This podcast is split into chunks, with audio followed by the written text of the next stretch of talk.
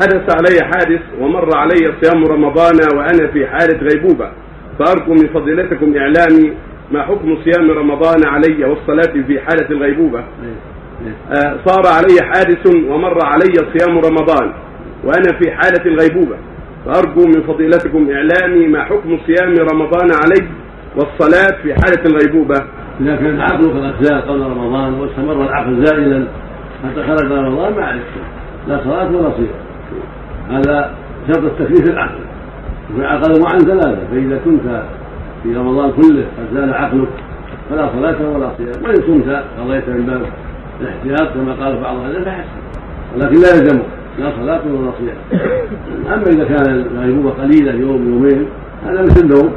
تقضي بعد الصحو تقضي ما فاتك من صلاة وصوم. كان الغيبوبة قصيرة ثلاثة أيام فأقل. مثل ما قضى بعض الصحابة لما أصبح عمار وغيره أما إذا طال الأمر هذا أشبه بالجنون فلا شيء عليه.